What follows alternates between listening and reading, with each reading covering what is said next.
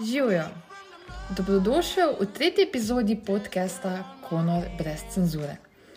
Kot že rečeno prejšnjič, je tale mesec posvečen ozaveščanju, zakaj je pomembno, da psa kupimo pri odgovornem zreditelju oziroma ga rešimo iz zavetišča. V tokratni epizodi smo šli v zrediteljsko veterinarske vode, saj nas je doletela res ogromna čast, da se je vabilo odzvala izredno priznana zrediteljica in veterinarka Nica Jerkovič. Če se trenutno ravno spogleduješ z mislijo o nakupu novega družinskega člana, ti resnično, resnično polagam na srce, da riskiraj, lepo te prosim, tole ulico in poslušaj epizodo do konca. Oziroma, mogoče kar nasploh vse epizode tega meseca, pa ti bo mogoče odločitev ali lažja, ali pa se mogoče za psa potem niti ne boš odločil. Ampak nič slabega, ne me razumeti na robe. Pač vseeno moš nekaj vedeti, da tako kot tudi Neca večkrat podari v tokratni epizodi, za psa se odločimo za nadaljnih 10-15 let, tako da gledajte, odločitev mora biti res premišljena. Torej, gremo naprej. Sama Nico spremljam že dlje časa in sem se tega intervjuja, kako bi rekla na začetku, skoraj da malce bala. Veš, ono, ko imaš do nekoga prav strahu spoštovanje. Da se zadnje Nica vzreja že kar 16 let velike švicarske planšare in je do sedaj na ogromnih mednarodnih razstavah pobrala že cel kup priznanj z svojimi psi. Ampak moram potem reči, da ko sem jo enkrat spoznala in se pogovarjala z njo, je ta ena ulica minila, kot bi rekel, keks. Pač res je prava procesa, zakladnica znanja. In če bi bilo po mojem, bi bil ta podcast dolg tak dve uri, ampak se vemo, eno ulico mogoče še riskirate, dve uri pa že malo bolj tak. Skratka, kaj boš v tokratni epizodi zvedel? In sicer. Izvedel boš več o ozadju vzreje velikih švicarskih planšarjev, kot tudi kako dobila svojo prvo psičko nulbo, kaj pomeni imeti psa v solašništvu, potem kaj sploh je rodovnik, kaj ti rodovnik, da nimo lahko pove, zakaj ti na vse zadnje koristi, eh, potem kako se dober zreditelj razlikuje od slabega, da nimo ena izmed zanimivosti. Kaj jaz sicer nisem vedela, ampak ne točno tako, kot je recimo Fuldobro razložila Neca. Eh, recimo v tej epizodi smo tudi na hitro obdelali postopek slikanja kolkov, torej zakaj je tako zelo pomembno, da je pes v tako imenovani sedaciji.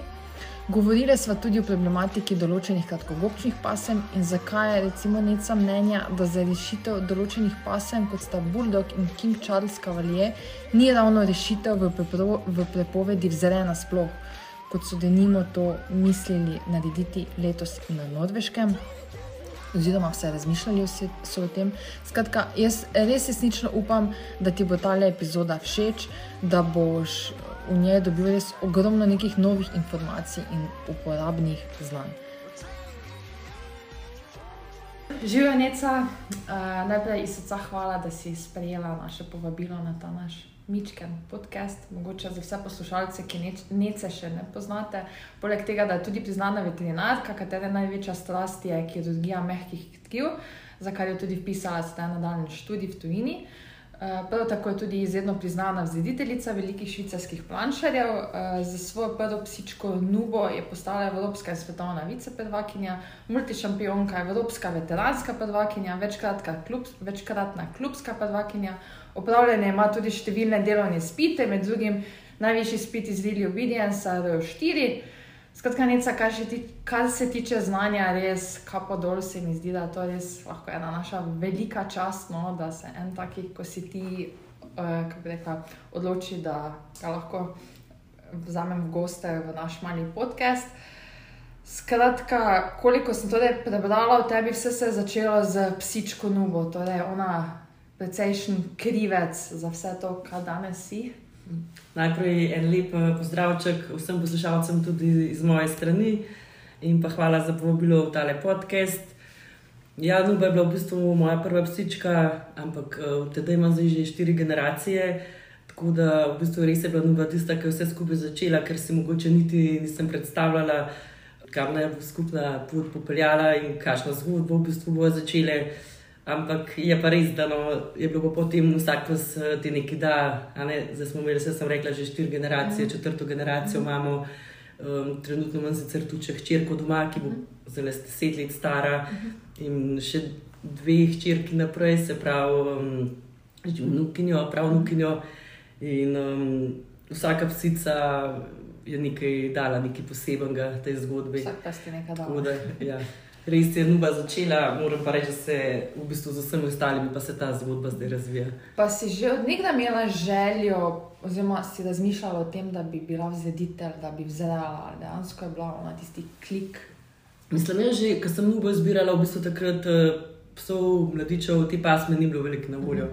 In mogoče, če tako rečem, tudi jaz sem takrat naivna, mogoče še nisem si jih predstavljala, kaj rodovni pomen. In sem bila že tako upana, res sem si res želela švicarja, velikega švicarskega planšerja. In mislim, da če takrat, da bi se eno glas pojavil, mladiči brez rodovnika, da bi jaz tudi to kupila. Prvič, jaz sem bila študentka, pa se vsi vemo, kako je, a ne, skusno šparala za psa, ampak vseeno, cena psa tudi pač je nek znesek. In mi ni bilo čisto enostavno tistega denarja, rečemo, zbrati. Um, tako da, pa, pa še sploh ni bilo možnosti, jaz, kamor sem klicala, so bili ti mladiči že vdani. Nisem si predstavljala, recimo, da je treba to se tukaj prej začeti zanimati. In čez popravici v tistem momentu si tudi jaz mislim, takrat, ker nisem še imela pojma o teh stvarih, tudi če bi se ene rodovniški pojavil, da bi ga vzela. Ampak na srečo se to ni zgodilo, no, jaz sem v bistvu res ta legla pregledovala vsak dan, nisem še imela izkušenj, da bi recimo znala psa pripeljati iz tujine, niti vez poznanstv. In en dan se mi je nasmehnila sreča, v bistvu pojavila se je v glas, da je bila ena psička zaradi neke bolezni bodočih lastnikov, um, se pravi, da so skenirali tisto rezervacijo. Takrat smo z mojim bivšim fantom takoj letela to pogledati in seveda je v bistvu nuba še isti dan uh, odšla z nama domov. Je pa iz Slovenije, če Ja, je rečem, iz Slovenije. no. Tako da jaz takrat v bistvu, se pravi, sem si res želela Švicarja že kar nekaj let. Um, bila sem takrat na fakulteti in sem si želela imeti kakšno leglo z njo, m, tako da bil je že nekako tu plan, ampak nisem pa imela v bistvu še v glavi, da se bo pa to pa tako odvilo, pa da se bo tudi neka resna vzreja iz tega razvila, ker v bistvu pa me pa to res kar potegnilo. Mislim, danes, ko se zdaj to pogovarjamo, ne, pač se pravim, to je že bilo zdaj ohoho časa nazaj, danes že teče, koliko sem nasledila, 16 let, ne, Mhm. odkar vzreješ in si Ja. ja. zdaj imela že 18 legel. Ja. Od tega, koliko sem prebrala, trije so bili pri solasni. Mhm. Ne? Uh, mogoče, če razložiš, kaj to pomeni, da imaš leglo pri solasnikih, pa ne vem, če ti je od vseh teh, teh letih ostalo še kaj posebej v spominu od teh legel. Zato vsako leglo je zgodba zase, nekaj posebenega. Jaz tudi se res trudim, pač meni ni point samo leglo imeti, ampak da je vsako leglo res uzrejeno, ko ne rečem, za samo energijo, pa na najboljši možen način. Tako da tudi recimo zdaj se tako dogovorim, da grem na polovični delovni čas, kar pomeni, da samo 4 ure na dan delam. Zaenkrat na srečo se še lahko tako dogovorimo, ker mislim, da zelo težko, če tebe ni, ne vem, po 8-9 ur na dan kvalitetno prvič leglo zrediš. Seveda, um, tudi pri meni, recimo, mi družina pomaga, je pa res, da večina, uh, kar se tiče vzreje in dela s psi, pa je na meni. ne. Tako da jaz se res probam takrat uh, čim bolj angažirati, ker si želim res dati mladička iz svojih rok, tako da bi si vsak želel tudi mladička dobiti. To je nek moto in tudi upam, da se z leti ne bo to pokvarjalo, mislim, da se ne bo. Tako da načeloma tudi imamo največ eno leglo na leto, ker mislim, da več pač ne moreš, v bistvu ti toliko energije Ja. vzame in časovno, in vse skupaj treba se takrat v bistvu za dva do tri mesece praktično vsem drugim stvarem bolj kot ne odpovedati. In tako da nekako v bistvu se res trudim delati, bomo rekli, tako, kot bi bilo treba. Vse to je naslednje vprašanje, ravno, kaj sploh pomeni vzeditelj. ne, Ker danes pa te bereš ti lahko na spletu marsikaj, ne vem, ogromno krat, ki zaslediš, ja, imam psičko, rodovniško, dajmo še enega samca, ne vem, neki zbrat. Mhm. Uh, Imáš potem 10-11 mladičev, prodaš po Jurju, ima to potem lepi denar, ne samo verjetno ni čist tak. Ne. Ja, v bistvu Da mogoče malce razloži, ja. Kaj sploh pomeni res imeti eno super samico, potem izbira samca, pol eh, med samim. Med, eh, Ko je samica breja, verjetno je to ogromno nekih mm. pregledov, da je vse v redu, potem pa itak, potem, ko pride mm. do same kotitve, bog ne da, da gre kaj narobe. Mislim, da ljudje res vejo, da To ni mm. ono enostavno stvar. No. Zdaj lahko tudi pol še kasneje na tisto prvo mm. vprašanje, pa so lastništvo vrneva. Ampak ja, v bistvu prva stvar, kar se tiče vzreje, je, da rabaš za začetek res eno kvalitetno psico, ker v bistvu to je stebr tvoje vzreje. In tukaj v bistvu sem jaz tudi imela nekaj sreče. Ja, jaz takrat nisem imela znanja, da bi vedela, kaj vse moram preveriti. Mm, bila je psička prva zbira zlegla nuba, um, kot sem povedala, je bila v bistvu rezervirana, potem sem imela neko srečo, da sem jaz dobila in meni se takrat v bistvu bi mi lahko verjetno prodali karkoli. Yeah. Ja. Jaz nisem imela znanja, da bi znala oceniti eh, strukturo, da bi se znala lih zdravstveno vse predstavljati, kako pa kaj. No, in um, v bistvu so takrat začele z nubo na razstave hoditi in potem. V bistvu kar pobirali in potem te to nekako potegne noter. Tudi videla sem tudi na večjih razstavah, da smo zlahka zmagovali, se pravi, ne bila res. Pa jaz nisem imela nobenih izkušenj, niti ves. Tako da psica je bila res v bistvu kar za par razredov boljša od večine ostalih. In jaz mislim, že prvič, ko se nekaj hočeš, to zrejo, je to res bistvenega pomena. Zdaj se pravi, nasmeš reči, po domače šparati pri nakupu tiste osnovne psice, ker bo to v bistvu tvoje vzreje in tudi če imaš dolgoročne plane. Ne moreš reči, da je z nekim škartom štartati, ja. ker nikoli ne boš mogel mm. res neke vrhunske vzremeti. Moram reči, da ljudje so zelo različni. Ne? Nekaj je um, pač ljubiteljsko vzrejo, tudi jaz imam ljubiteljsko vzrejo, če smo tem, ampak še vsem se trudim delati na nekem vrhunskem nivoju. Ni mi cilj sam ne vem, nekaj mladiče spraviti na svet. Ampak, v bistvu, no? ja, ampak vsako kombinacijo res pazim, da mi v bistvu genetsko probamo nekaj zapasmo narediti. Se pravi, da so res vsaka kombinacija skrbno premišljena, kar pa tudi pomeni, da mi ni jih pomembno, kje bo sam. Se pravi, da se, v bistvu smo že prepotovali celo Evropo, um, zato da smo prišli do plemenjaka, za katerega sem pač mislila, da bi bil najboljša kombinacija. Mislim, da se to tudi vidi, ker v bistvu ni težko imeti en lego kvaliteten, težko pa to kvaliteto držati na dolgi rok. In jaz lahko rečem, da tudi vse naslednje, čeprav smo prej samo v Nubi povedali, mi smo imeli kar nekaj psov in evropskih in svetovnih prvakov, se pravi, so tudi naslednje generacije nekako držale ta standard. Tako da um, se pravi na dolgi rok biti v vrhu, kvalitetno delati, to pa terja kar nekaj, bomo rekli, sreče, znanja in tudi veliko angažiranja, da v bistvu. Pa denarja, to, pa tudi denarja, konc koncev. In zdaj zaleglo, smo rekli, najprej psica, potem pa mora se vsak zavedati, treba imeti primerne prostore. Ne, tudi tukaj vsi nimajo, pač se razumemo vsak v svojih možnostih ampak eh, pomembno mi je, da tudi mladiči odraščajo v nekem normalnem okolju, kjer se lahko razvijajo, um, da ni zdaj to v nekem hlevu, ki je kola, ne um, umaknjen od vseh ljudi in tako naprej. Pol pa sem imela, treba imeti veliko časa, um, to je prva stvar, ker um, spet. Saj jaz nisem za način, da so mladiči pol po cele dneve sami, se oni tako gor zrastejo, pa se zabavajo, ampak še vsem veliko stvari je, ki jih že zrite lahko mm. naredi in s tem tudi olajša naslednjim lastnikom, novim lastnikom velikega dela, pa truda, če je v bistvu nekaj stvari navadil. Ali so to vožnje z avtom ja. ali karkoli, sprehodi, neka osnovna socializacija, navajena na povodec in tako naprej. No, um, pol pa tudi, ne. Se pravi, ko mi nekega samca najprej zberemo, je treba tja, že to so včasih lahko ogromni stroški, ki si mogoče ljudje ne predstavljajo. Um, potem je sama kotitev, uh, prav je, da smo s psico, predvsem pri velikih legih, ali pa tudi zelo majhnih, če sta en, dva mladiča, uh, lahko pride do kakšnih zapletov. Mm. Takrat je treba pač takoj posredovati, in včasih je potreben tudi carski res. Um, potem pa tiste prve dni, jaz vedno spim z mladiči, se pravi, ali to, če imaš še leglo, mogoče en teden, pri večjih pa lahko tudi dva ali pa mhm. celo še teden še več. Um, v bistvu moje psice so res dobre mame, to moram povdariti. In jaz sem mladiče vse čas, jaz nikoli mladičev ne umikam, kar nekateri počnejo. Pač ampak vse se zgodi, ne vem, če je to veliko leglo, deset mladičev, oni tam sesajo, pa psici. Pa lahko en mar stran utava, pa psička v bistvu težko ostane, a ne ona tam začne malo podsviliti, ker bi ga rada nazaj, ampak drugi mladiči so prnili. Yeah. Ja. In pa rečemo, da ti ostaneš, pa ti zga mladička yeah. nazaj, ki ne premakneš. Ne vem, pač da skrbiš, da je vse ok, da ji pomagaš, vem, da jo tudi večkrat na dan takrat hranimo, da ji vodo narečem pred gobec, pa ne ja, znaš, ja, ja, da gre niti ven. Ja. Ne, na prve, prve dni rečemo, moje niti nočejo ven na, na, na potrebo, ker jih pač še jih treba od mladičev stran odvleči. Ja, ja. Ampak pač pravimo res čim bolj olajšati, da se tudi psica čim bolj počuti.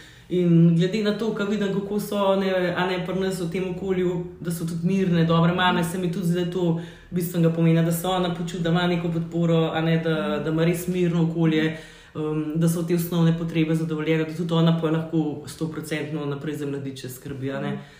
Zdaj, um, pol seveda, še preden spoh se vleglo razmišlja, morajo biti upravljeni zdravstveni pregledi. Tudi tukaj, to niso samo pregledi, ki so zahtevani ampak velikrat tudi pregledi, ki so sami priporočeni. In za različne pasme so te zahteve različne. No, to je samo inicijativno še. Seveda, ker okay. recimo jaz lahko za našo pasmo povem, bo najboljš, ker pač tudi najbolj ja. poznam. Recimo za Švicare še vedno zahteva za ozrejo in za udeležbo na ozrejenem pregledu samo slikanje kolkov. Se pravi, samo kolki, nič drugega, recimo naša pasma pa v resnici kolki sploh nima nekih problemov. Res redko, da dobimo kakšnega predstavnika, sploh vse kolki da bi bile kakšne težave, pa že bolj zimoma. Recimo, predvsej več problemov pa je z okruški vremenskih sklepih. In um, recimo, če gledamo samo zahteve, obvezne preglede, a ne bi lahko samo kolke slikali na to. to. Rečemo, mi delamo vedno še potem, ko imamo rame, pregled oči. In uh, delajo se včasih pa še dodatna testiranja. Mi recimo nimamo genetskih testov za našo pasmo, um, nekateri imajo, ampak delajo se lahko pa še vem, dolžina dlake, pa če nos modrge in tako naprej. In zdaj v zadnjem času imamo še en pregled za recimo neko krvavitev. Um, tako da se pravi, vedno je fajn, da vzritelj naredi vse priporočene teste, ki so seveda smotrni. Včasih tudi vidimo, da za marketing se pa kar neke teste, rečemo, brezvezno v narekovajih nabija, samo zato, da bi jim več pokazal, to tudi ni. Ne treba malo pasmo poznati, kje so težave. Ampak te testi, ki so priporočeni, se lahko tudi malo potujini, rečemo, pogleda klube, uh mhm. -huh. kaj oni zahtevajo, ali pa predvsem matična država, odkud pa smo izhaja. In ti pregledi morajo biti za moje mhm. pojme pač upravljeni. No, se to je razumljivo. No? Se mi zdi, spoh, če se ve, da mogoče ima pasma težave z ne vem. Upam, da nam za smisel izpadla srcem, ne? da se pogleda, če srce vredo. Ja, definitivno. Ne? In pol tudi že karakter je pomemben, naprimer, pač starši morajo biti res stabilni, seveda v skladu s pasenskim standardom, tle so spet razlike, ampak vem, za me recimo pes naše pasme, ki je nestabilen, agresiven uh -huh. ali kaj podobnega, niti slučajno ni pes, ki je primeren uh -huh. za ozrejo. Ja. In bi tudi pričakovala od nekoga, ki se ima na meni resno zrejo ukvarjati da ta ga psa izloči, da niti ne pomisli, da ja. bi šel v zrejo. Ne, zato sem pa kupil, oh, pač tega le imam, bomo pa pač parali. Ja. To, to pač ne gre na tak način. Mm. Zato pravim, da je že koliko je pomemben, da res v začetku, če imamo mi na meni, se ozrejo da res pač poskrbimo, da je že ta prvi vzrejem par ali kar koli, da imamo res kvalitetno. No, potem pa seveda iskanje tudi bodočih lasnikov, ja. to verjetno tudi prinese ja, ogromno stresa. Ne? Iskanje bodočih lasnikov je najtežje delo vzreje. Res je, da vreten tako le. No, jaz pač res mislim, da mladičem veliko dam, da se res potrudim, ampak v zameno pa tudi od novih lastnikov pričakujem nek, bom rekel, malo višji mogoče nivo. Mm. Eh, dela, pa oskrbe svojih mladičev. Mm. Tako da moram reči, da sem kar sitna, ampak mi je pa to malo stresno na nek način. No. Veliko naših mladičev odhaja v tujino, um, vedno zahtevamo, ne, da tudi uživo se mm. vidimo, da se spoznamo um, z novimi lastniki. In um, res poskrbim, naprimer, da hočem, da so to družinski psi, kot tudi naše psičke, one so naše družinske psice, z nami živijo, tako tudi hočem za svoje mladiče. Eh, recimo na oddajah za opesjak, uh mhm. -huh. nimam nič zdaj pač proti, ampak pač moja mentaliteta je, ti švicari so res vsi, ki rabijo družino in se ne počutijo dobro sami. Uh mhm. -huh. Zdaj, če to neko grajen vrt, pa ki so v službi, me noč na moči, pa sta spuščen. Ampak da bi pa to po 90 ur zaprt uh -huh. ali to ja. pesjak, pa čeprav je lahko ta pesjak še bolj super, včasih mi ljudje pošiljajo slike, kako so lepo uredili, ampak meni pač to ni moj princip in mhm. -huh. si mislim, gledajte super, ampak da je ta raj kuška druge vzeti, ker nima smisla, da se pač naši pogledi so drugačni, nima smisla, da se mi krigamo. In to se mi zdi eden izmed bistvenih stvari, da se tudi z novimi lastniki nekako jameš s pogledi, ja. ker je tudi pol to nek, um, neka osnova za mm. dolgotrajno dobro sodelovanje. Za me to bo razreditelj, ne delo se ne konča, ker gre mladič v nov dom. Tudi pol uh, pomeni to neko podporo novim kupcem. Sploh če so to začetniki, mm. v začetku imajo ponavadi veliko težav oziroma vprašanj, pa ne vejo, kako bi to. Pa so to lahko za nas, ki smo že dolga leta v kinologiji, čez neke um, basic stvari, ampak njim pa v bistvu veliko pomeni, če ja. lahko nekoga pokličejo, ga vprašajo. Tako da mi pač poskušamo z vsem ohraniti uh, dobre odnose, -huh. tudi od njih pričakujem, da redno neke slike, poročila, ne, da vsaj parkrat letno, če ne še več, vidimo, kaj se dogaja. Um, hkrati pa tudi se jaz provodim angažirati, da sem jim vedno na voljo, če karkoli potrebujejo. In to za me tudi ena bistvena točka, ne, kje je zdaj en dober vzreditelj, se loči od nekoga, ker v bistvu se mu gre samo da pokastira, pa pa ponikne, da ne rečemo. In Ja. ja. v bistvu pol tudi meni, recimo, kupci, ki pri drugih vzamejo, pišejo, ja, pa bi vas to prosili, pa um, pa tretji, ampak enostavno, sicer se trudim vsem pomagati, ampak enostavno včasih nimaš časa. Ja. Ja. Sploh če imaš svoje leglo, pa imaš, ne vem, mogoče že deset svojih ljudi, ljudi ki te Mm. kličejo večkrat tedensko in pač Ja, to Je. verjamem, ja, da si misliš, sploh verjetno, ko potem si enkrat že toliko časa v tem, se vedno nabere ogromno lasnikov. Ne? Ja, sigurno. Ja, ampak se verjetno potem po enem letu, dveh, verjetno. Ja, pol se umiri, ampak mi se še vedno pol Ja. probamo nekako ohraniti neke stike, gremo večkrat na kakšne skupne sprehode, pa tako naprej, da malo spremljamo. In zdaj, recimo, tudi eh, prej si me sprašvala glede solasništva. A Ne, zdaj jaz ne želim imeti doma deset psov, ker eh, jim ne morem nuditi Ja. pač to, kar bi si želela. Jaz sem že prej povedala, naši psi živijo z nami v hiši, grejo z nami tudi na izlete, na morje. Se pravi, jih jemljemo s sabo čim več, mm. skoraj da povsod. Okay. In če bi jaz to imela, ne vem, šest, sedem psov, to žal ne bi bilo možno. Um, tako da jaz se res trudim, vem, da imam rečemo nekaj maksimalno tri psice doma, um, iz vsakega legla pa ponavadi najboljšega mladiča zadržim, uh -huh. mogoče včasih tudi samca in samico in se odločim, da damo solasništvo. Zdaj dogovori, pod kakšnimi pogoji se to dogovorimo, so z vsakim različni, ker vedno probam želje solasnika upoštevati. Um, cilj tega pa je, da um, psica ali pes ostaneta na voljo za vzrejo. Uh -huh. Zdaj, um, se pravi, če oni nimajo želje se to jeti, se pravi, da bi mogoče imeli kdaj leglo z našo pomočjo, potem se tudi dogovorimo, da v bistvu pride takrat psička k nam uh -huh. za dva meseca.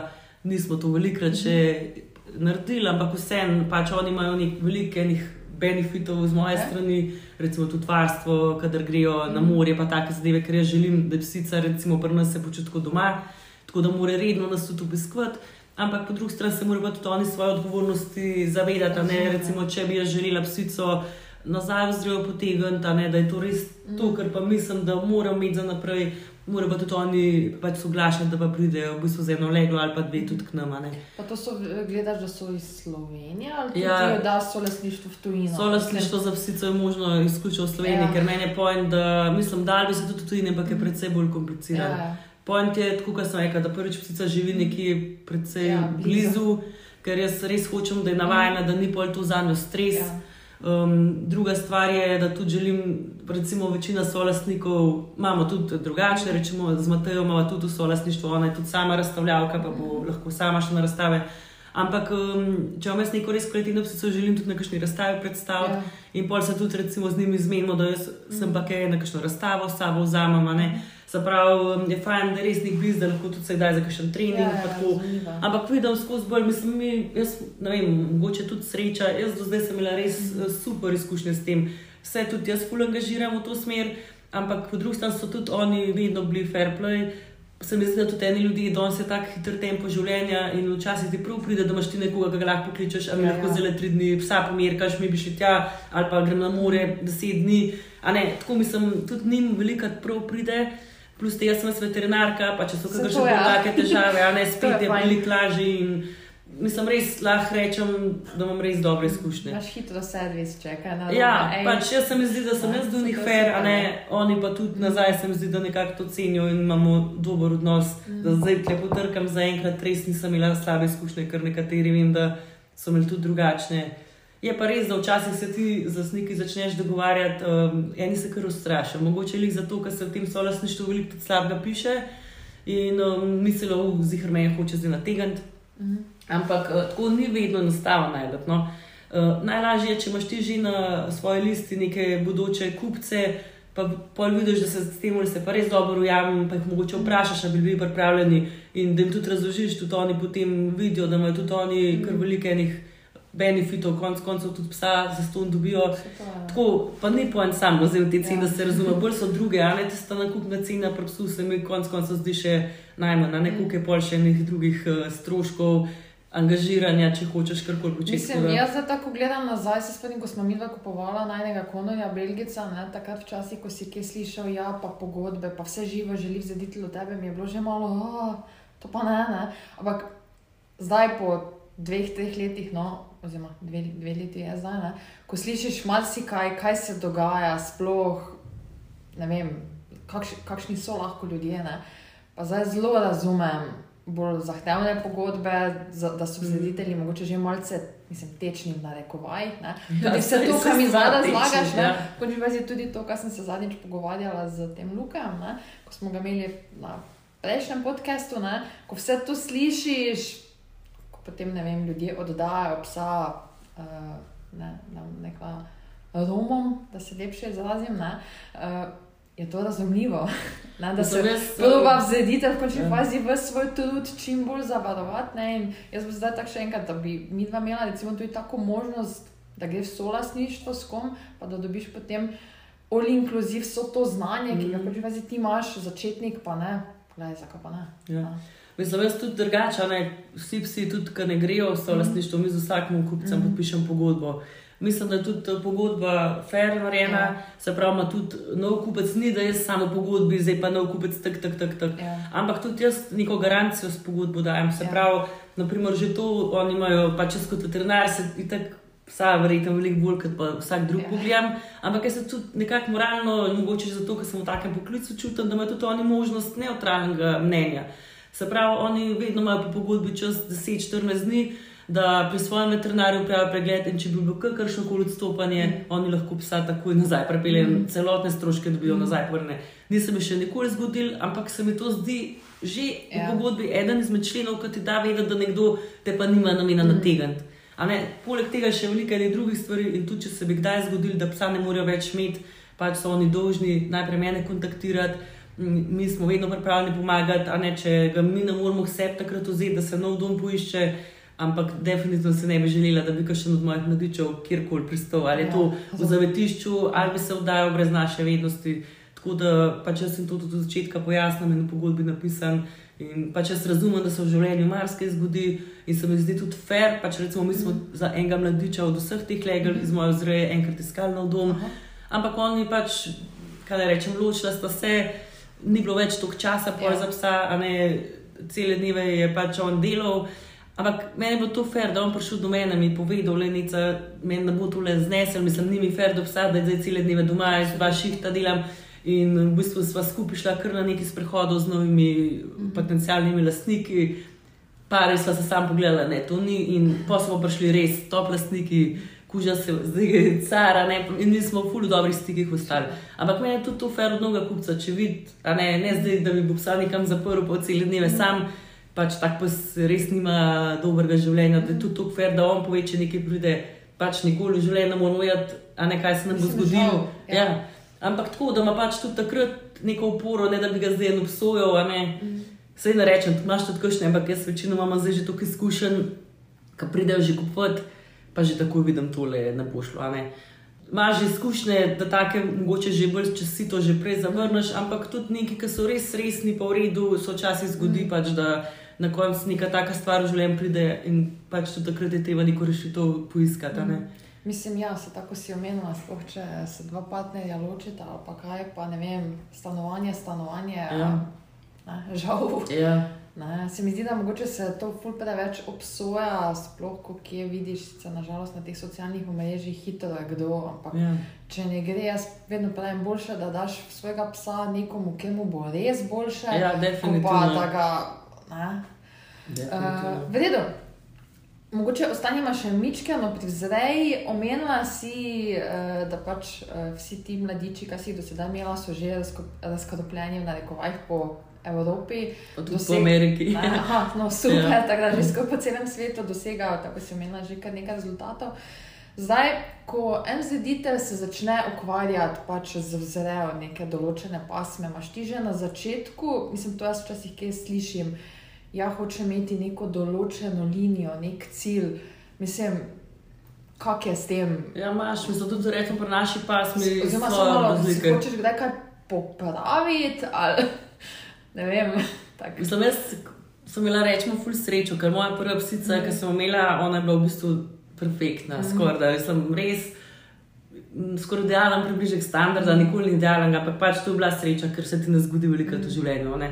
Zato tudi v bistvu smo mi tako visoko prišli, pa je bila ona tam levica, svetovna vice, evropska, pa večkrat, ampak uh, morate več, kakorkoli se pogovarjamo o teh večjih razstavah, so določene zadeve, namreč podkopanja, ampak ja, ja, ja. skozi več je še tega, nažalost, no, res nažalost, ker se mi zdi, da so še slabša situacija.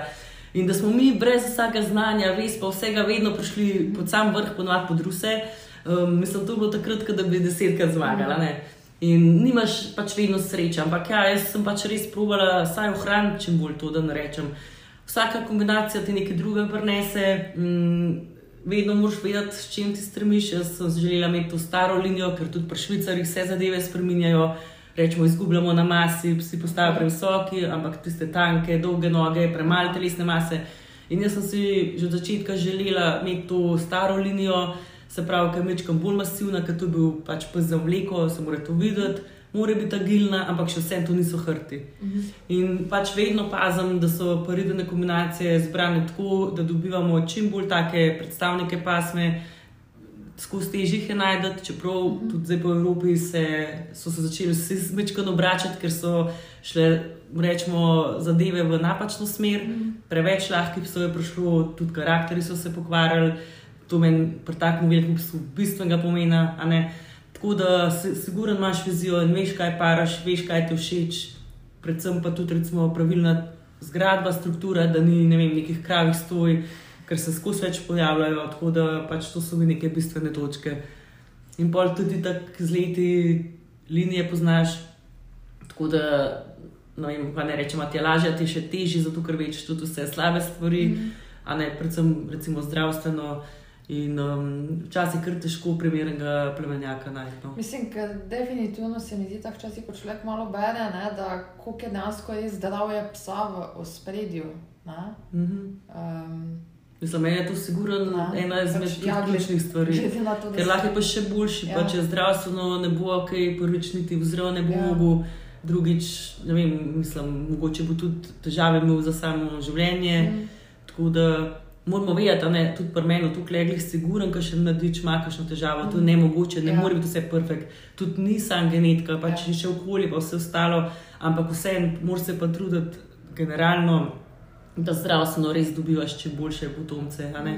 Ker se mi zdi, tudi če gre to v družino, ki imaš nikoli razstavo, pač ni mi karakter, pa zdravje še zmeraj na prvem ja, mestu. Ja, tako bi moglo biti. Ja. Uh, ok, zdaj se pa da jim bomo mogoče. Da me še potem kar malo razloži, čeprav se mi zdi, da smo že dosti povedali, ampak da bo res črno na belem, kaj sploh je rodovnik. Mislim, isto, ko si ti za sebe takrat povedala, ko si bila v 14 letih, tudi pri nas je ista zgodba. Ne? Ja, ok, pa smo rekli, vede, da mora biti Belgij z rodovnikom, ker pač to tak list papirja se čuje bolj fancy, ampak v resnici ni to, ne? rodovnik je ohoho ja. stvari. Ne? Mislim, rodovnik je dokument, konc koncev, ki ti pokazuje, pokaže vse pridnike tvojega psa in tudi neke zdravstvene izvide, se pravi, dosežke, razstavne. Se pravi, en dokument, ki če ga znaš prebrati, ti lahko veliko pove o tvojem psu. Definitivno začetnik tega ne zna prebrati, mm. ker ne pozna linij, ne, ne ve, točno ja. lahko pogleda zdravstveno. Ampak zdaj moramo paziti, pač meni je rodovnik itak uh, brez rodovnika, pasanski pesnogov. Ne rečem ja. mešan človek v zavetišču, ne, ja. ni problem. Ampak zakaj, ne razumem pa, zakaj bi nekdo delal um, neke približke pasme ali kako bi se izrazila, ne, tukaj pa v bistvu sploh ni vprašanje. Mislim, mm. Tega mislim, da ni prav, da se sploh gre, ker veliko so pa resne zdravstvene mm. težave, bolj pogosto. Ker vseeno, da pa pridobi rodovnik, mora v bistvu upraviti zredno dovoljenje. In žal so še vsem preblage zahteve za pridobitev zdravega dovoljenja. Za dovoljenje rabiš verjetno zdravstvene teste. Ne? Seveda, ampak klik to hoče, če sem prej povedala, rečemo za našo pasmo, ja. so samo kolki, ja. se pravi, kot bi to sliko, lahko samo kolke, ki pa mm. pasensko niso ja. največji problem. Bi prišel na vzredno dovoljenje, tam se psa oceni, se pogleda karakter in če je primeren, se ga se mu da podeli vzredno dovoljenje. Mm. Zdaj, trenutno je to vzredno dovoljenje tudi trajno, Seveda so spet malo razlike med klubi, pri nas je trajno, včasih se je na dve leti podaljšval, ampak vse ni tega vzrejnega dovoljenja tako težko upraviti. Tako da nekdo, tega ne upravi, pa si želi vzrejati, to je že za me dolgo. Če si ne moreš tiste enkrat, da vsa pele slikati, časa vzeti, ali pa ti to prevelik strošek, pa da si tja pripeljal, pač ti zdan, da so ga ocenili, ker ti vzame eno uro časa, pol tudi ne vem, kako boš ti mladiče sploh kvalitetno ja, ja. spravil. Narečem mogoče, da kakšna družina res mogoče sploh ne razmišlja, pa se kar tam le zmenijo za part. Sam meni je to v bistvu mm. v današnjih časih, da ne rečemo, kar malo neodgovorno. Ja.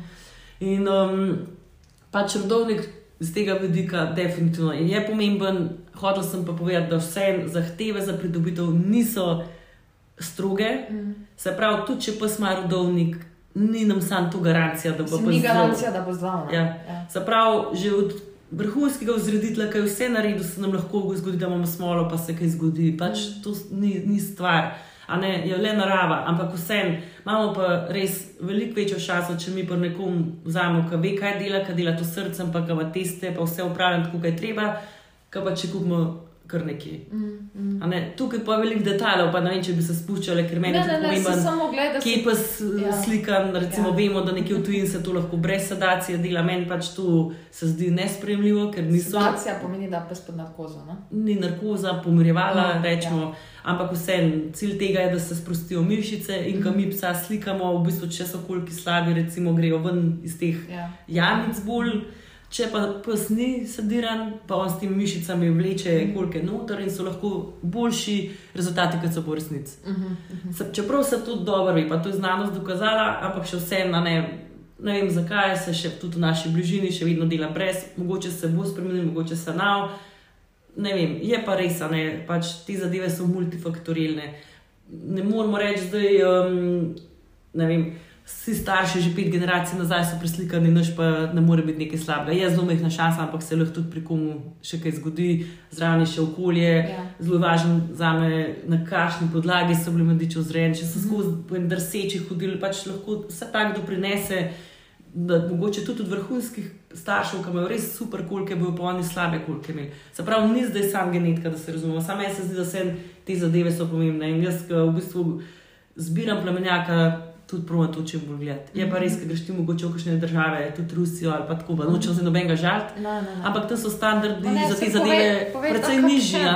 Oni pač že rentgen imajo veliko slabši in potem so neki detajli, kam mi že danes gremo, mogoče že kje v preveč detajle tam se sploh videti ne morejo, ker je tako slabša oprema, mm. da v bistvu mogoče že pol ni primerljiv te zvidi. Razumem. Ja. Tako da pač ni samo zdaj, pa se HDA, pa tu veliko stvari, ki treba pogledati. Um, so tudi bolezni, za katere testi ne obstajajo, recimo pri nas je to epilepsija, uh mhm. -huh. tudi druge pasme imajo. Um, in je treba pa pač imeti veliko vez, da v bistvu prihajaš do informacij. Mm. Ker te zadeve se skrivajo, tako da zato je pa še ena stvar, zakaj so meni razstave pomembne, ali pa mogoče pri drugih bolj delovnih delov.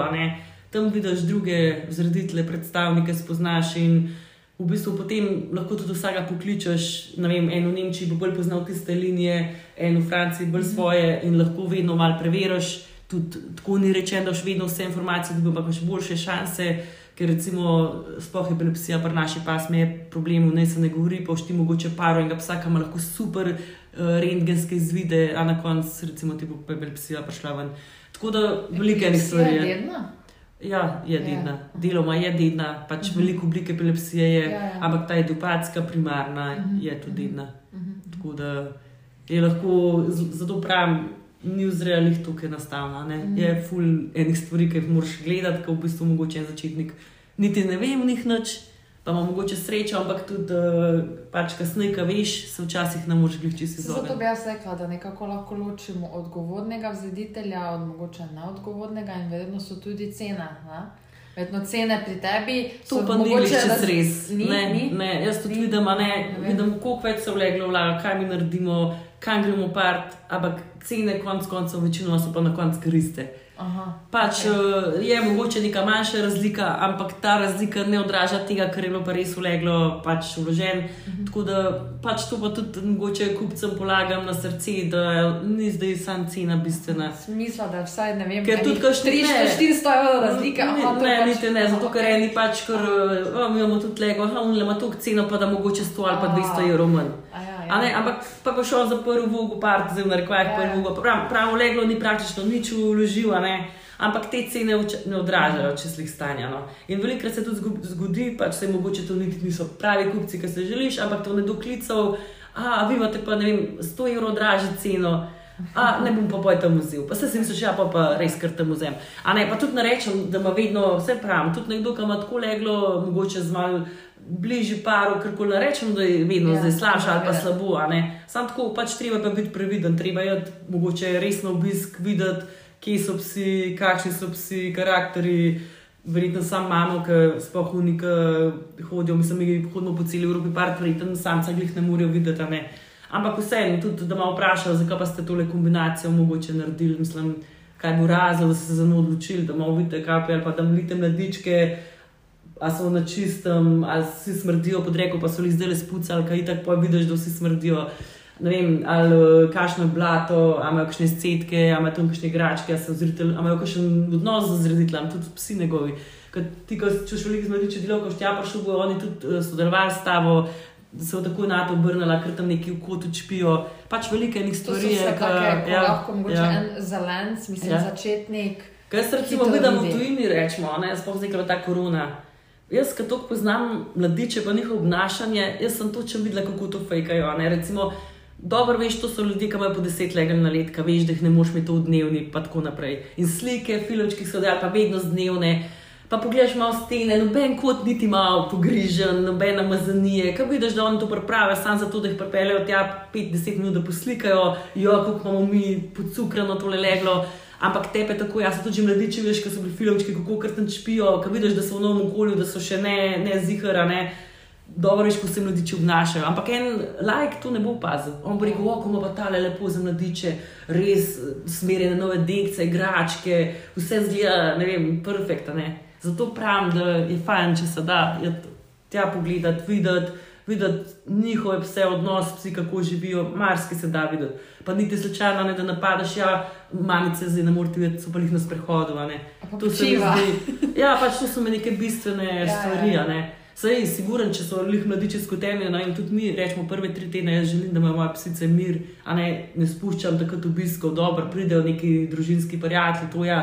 Ampak ne pa rečemo novih kupcev, ker tudi mm. hočem, takrat ti tako prvič Ja. nimajo kaj videti, Točno. hoče, da ima psica mir, lahko ti še kdo kaj prenese, ampak seveda, pol so pa mladiči starejši, se pa začnejo ogledi in se mi zdi pomemben, da, da se gre pogledat, ne da kar ne vem, neki na glas vidimo, zdaj pa gremo krkele na benzinsko, pa tam le kupimo. Sedaj, no, zdaj, ko smo počasi to omenili, je zdaj vsakega svojega gosta isto vprašala. Torej, zanima me tvoje mnenje, pač kot zediteljica, kako gledaš na vse skupaj. In sicer, torej, na eni strani imamo rodovniške pse, kjer nekatere pasme dosegajo praktično skoraj rekordne cene, plus pustimo, da tako so omenjene, tudi rodovnik ni zdaj ona neka full, full garancija za zdravega psa. Ne.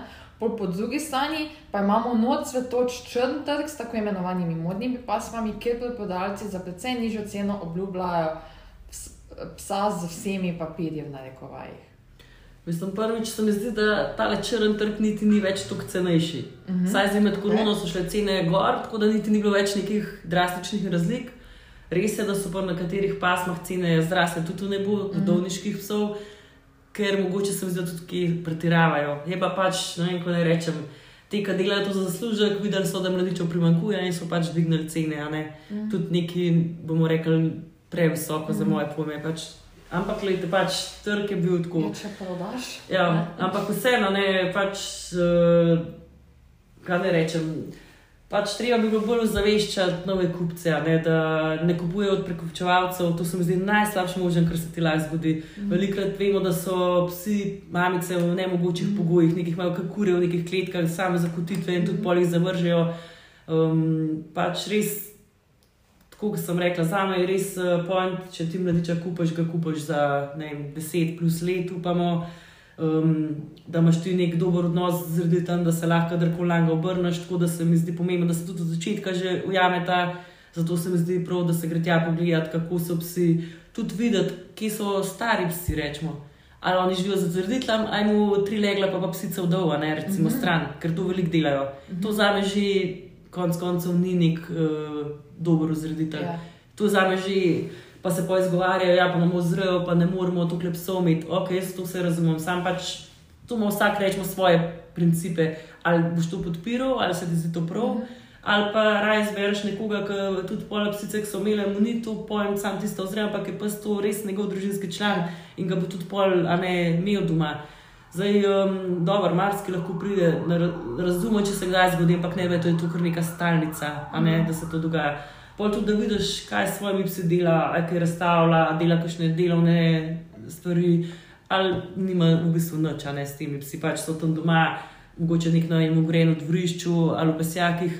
Pač tu je tudi en velik pokazatelj, tudi kako bo pol vreten za mladiče poskrbljen. Tako da mislim, definitivno meni je to nekaj sploh nepredstavljivega, da nekdo gre pa kup samo eni benzinski ali se nek dobi, niti ne bi tu zreditelja, se pač kar zelo prekupčevalcem zmeni ali se zmem prek telefona, ker ti tako lahko naložijo ja. karkoli. Ja. Lahko sicer imaš srečo, veliko pa tudi žalostnih zgodb poznamo z ja. takih um, nakupov.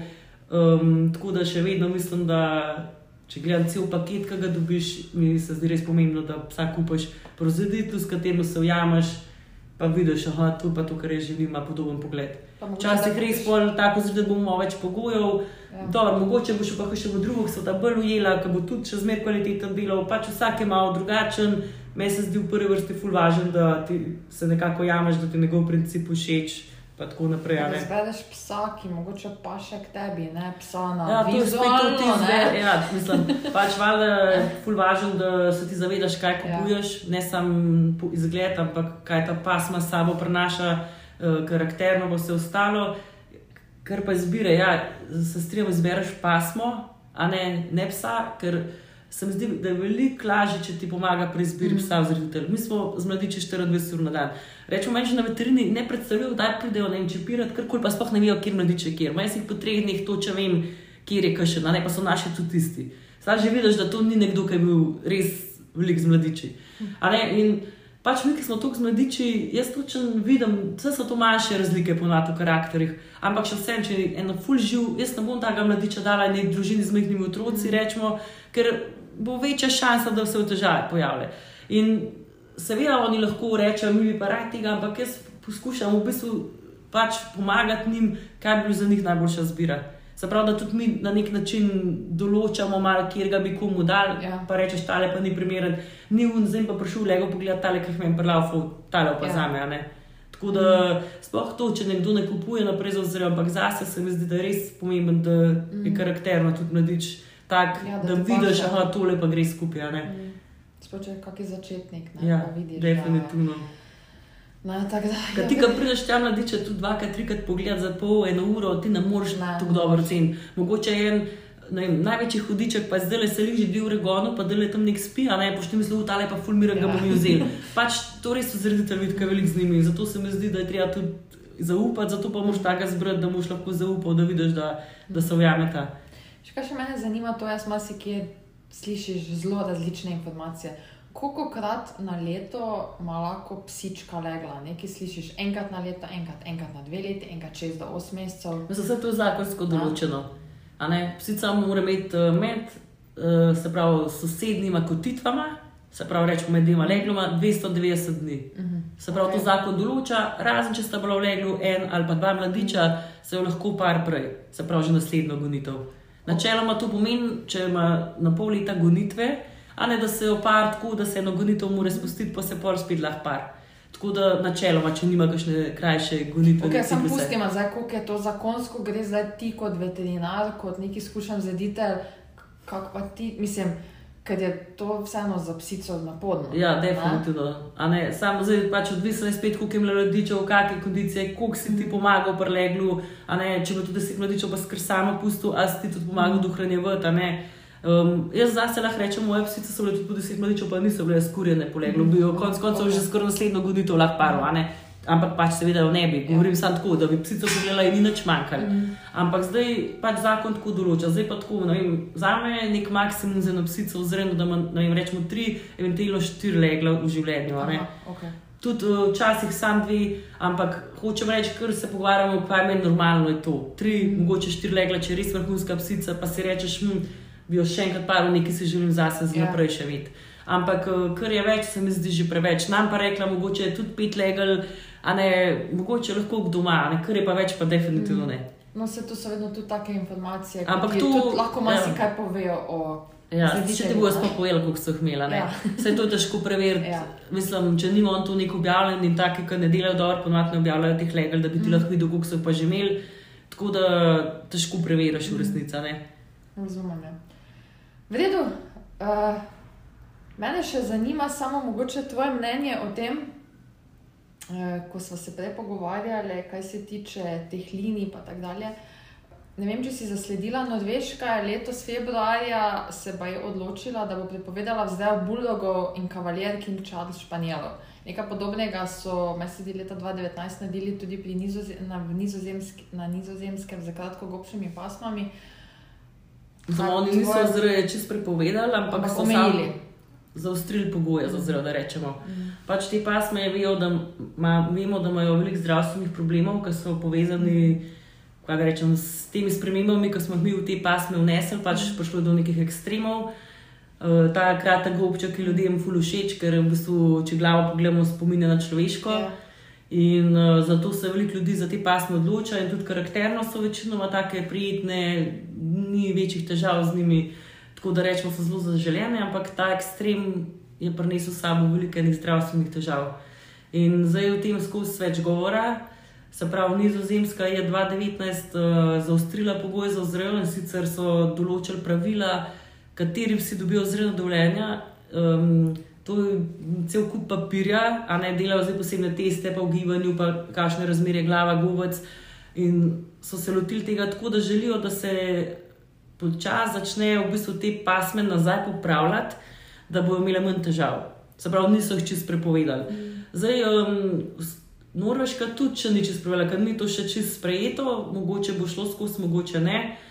Ampak ne vem, če je čista prav način, oni pa res želijo prepovedati. Pač imata ti dve pasme definitivno veliko težav, ampak uh, trke, povpraševanje je. Se pravi, sicer skandinavci so malo drugače mentalno, oni, ki neki sodišče tako reče, bodo bolj to spoštovali. Tle na Balkanu sem prepričana, če rečemo Balkan, nam, če bi to sprejeli. Nekaj meni je zanimivo, ne vem, če veš, na švedskem pa je ni zavetišč. Ja, ker imajo to urejeno, ne Ja. to.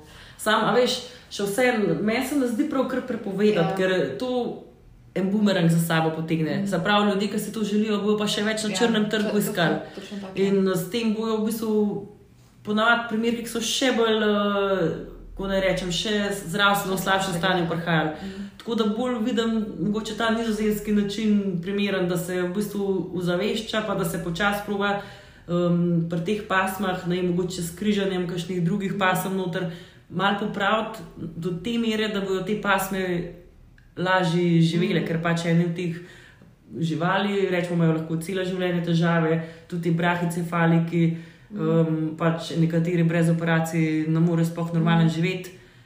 Pač, če tako gledamo moralno, to res ni ok. Sam ni način za moje pojme, da se to kar prepoveduje, bolj bi bil primeren, da, da se poskuša uh, res ozaveščati, da se poskuša pač predstavnike, ki imajo manj težav, vzreti ali pa nekaj ukrižati zraven. Pač to zdaj debata za strokovnjake, ki se ja. S tem ukvarjajo. Ampak uh, da se pa kar nekaj prepove, pa mogoče ni najbolj primeren način. Mislim, da vedno zaradi takšnih primerov se pol dogaja, ko slišiš, ne vem, kot ti ljudje reče, ja, pa se rodovniški ima en kup problemov, pa zdravstvo, pa ono, pa gled, kaj so naredili z rodovniškimi, pa nemški očadi, pa tak ne, samo, ni vse samo, ne moreš vse metati ven košna. Ne, to definitivno se ne da, mislim, so zelo take individualne Mm, zgodbe. Sej, ja. mogoče tudi imaš linije rodovniške, ne vem, mopsov, Mm. francoskih buldogov, ki mogoče imajo manj težav, ker so se že prej trudili, da imajo te nosence mogoče bolj odprte, da so gobčki niso tako ekstremno Mm. kratki, ampak eh, pač eh, ne, ni enostavnega odgovora. To je en tak eh, širok problem, ki mislim, da v kar nekaj Ja. leče treba, da se reši. Sem definitivno mnenja, da nekaj treba narediti. Ker eh, težave so, vidimo jih, pa če tudi operira ta brahicepalčni sindrom in operiramo veliko tudi rodovniških, a ne tako, kot ne rodovniških. Um, ampak to zato, ker eh, če jih ne bomo, tako pa se lahko tudi pogine, rečemo, Ja. ja. zaradi visoke temperature, Ja. ja. ker imajo težave. Mm.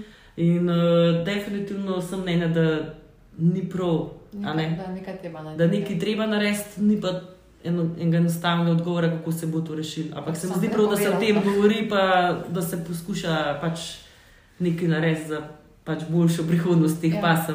Ja, ja.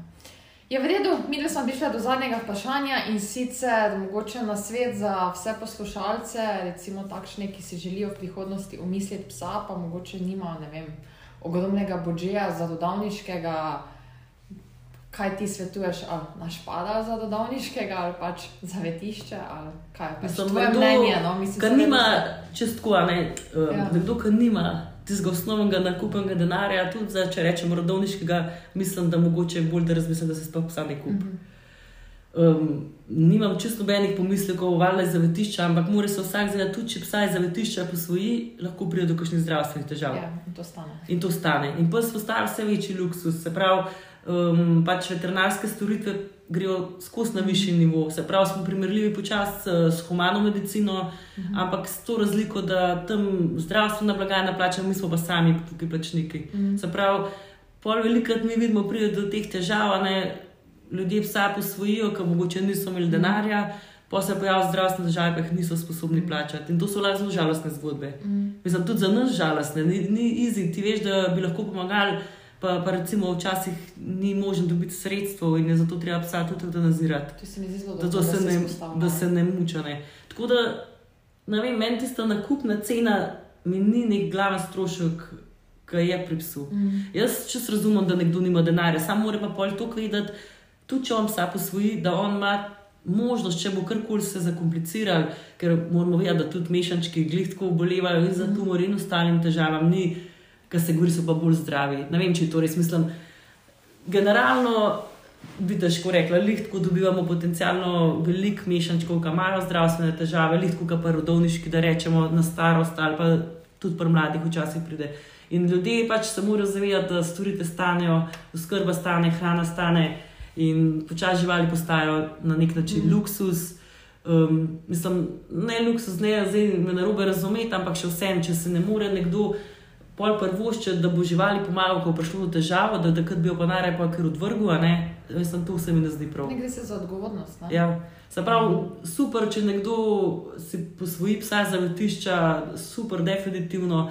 Um, ampak še vse se mora zavedati, da ne posvaja zdaj zato, Ja. ker mu je pa rodovniški mogoče predrog, Ja. pač zato, ker mu je pa všeč, ker ima fajn karakter, um, ker se je odločil, pač ne mogoče, da bo enemu pomagal, kar koli, ne pač. Ampak ne more to delati zato, ker pa tam psa za ston mm. ali pa za neko nizko Ja. posvojilno dobu, a ne uh, ker si ne more prvoščiti.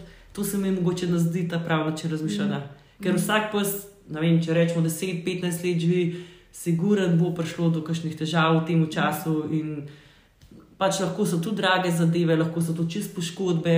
Mm. Um, moramo vedeti, ne vem, bo večji pes, lahko je napačen gib naredi, si kolensko ves Ja. pretrga. To so operacije, ki stanejo okrog 2000 evrov, Ja. pa lahko tudi več. In to je že več, mogoče, kot pa nakupna cena vsa. Ja. Pač enega trudovniškega. Tako da pač klej treba biti uh, Mm. nekako odgovoren, pa biti previden, pa fair, predvsem do. Ja, to upam, da do bo živali. slišalo čim več takšnih, ko prebereš, iščem čisto krvnega, brez zadovnika. Zato se mi zdi pa najbolj zgrešen nakup. Ne, ker že prej smo se pogovarjali, a ne, koliko so enostavni, večinoma pogoji za pridobitev vzrednega Ja. ja. dovoljenja. Pač malo se je res treba angažirati, ampak to je nič v primerjavi sploh z, z vzgojo ali pa z vzrejo enega legla. In um, ne vem, tam se mi pa zdi, da če nekdo niti osnovnih pregledov ni naredil, da pa imamo pa res največje mm. šanse, da bo prišlo do kakšnih težav. ne. Ker pač pač- hitro preplačaš. Ja, No. Sej, mislim, marsikoga pol to tudi uh, udara ne nazaj, Ja. Ampak uh, kdo- imajo tudi srečo, da bom rekla, da so pa Ja. kar vsi bolani, to Ja, ja, ja. ne, nikakor ne. Ampak pač ali kupiti pri enem odgovornem vzreditlu, ali pa posvojiti, ne, nisem pa preveč za te čistokrvne brezredovnike, če tako imenujemo, ne, ker tam se mi zdi, se pa največkrat težave. In to Ja, so tudi seveda. v mojih narekovajih neki zaslužkari, poleg unih, ki to šverce v tem vse, ker pač uh, on ponavadi tako uh, niti pogledane s kompar, pač ponovadi najbližje ga izberejo in tudi mladiči večinoma so vzrejeni res v slabih pogojih in Mm. pač to ne vem, če glih si želimo psa tako iz take. Ja, Sploh to, kaj. Ne dobiti. za sabo. Je vredno, neca, mi dva, mi dva smo, po mojem, kar obdelali. Tako da, glej, zelo ti hvala za, vsa, za vse odgovore. No? Da. Hvala tebi še enkrat za povabilo, pa lep dan vsem skupaj. Čau, čau. No, pa smo prišli tudi že pri naši tretji epizodi našega podcasta do konca. Srčno upam, da ti je bila všeč, da si iz nje izvedel kaj novega, kaj poučnega. Eh, če ti je naš podcast všeč, torej če slučajno si eden izmed tistih, ki vsak teden komaj čaka novo epizodo, te lepo, lepo prosim, da jo podeli tudi za svojimi prijatelji. Seveda ne pozabi se subskrbati, morda oddaj tudi kakšen komentar, oceno, ker vse to nam pač pomaga, da smo seveda na vseh teh podcast platformah dosti više in nas posledično vidi dosti več ljudi. Se poslušamo spet naslednji četrtek, ko bo z nami izredno zanimiv gost. Tudi tega se sama res noro veselim saj bomo šli v znanstveno-genetske vode. Se poslušamo, bodi fajn, čau, čau. you